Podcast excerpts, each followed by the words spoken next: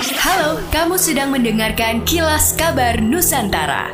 Podcast persembahan KG Radio Network menyajikan berita harian yang mengangkat keunikan dari berbagai wilayah Indonesia. Kilas Kabar Nusantara dapat juga didukung oleh pengiklan loh.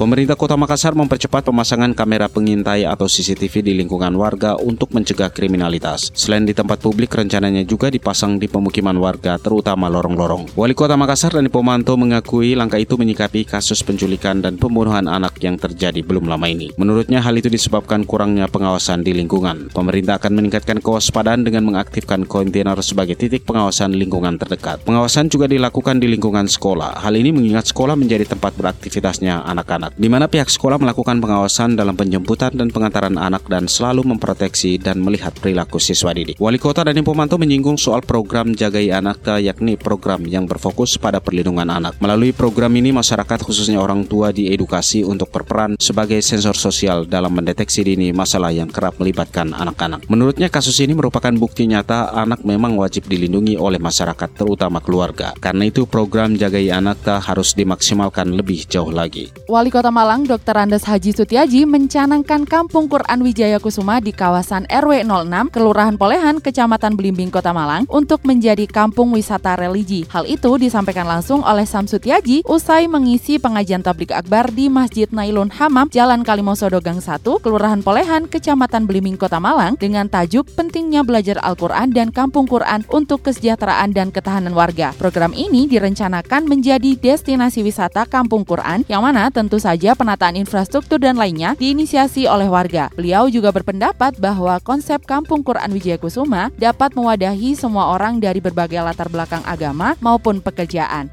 Demikianlah kilas kabar Nusantara malam ini.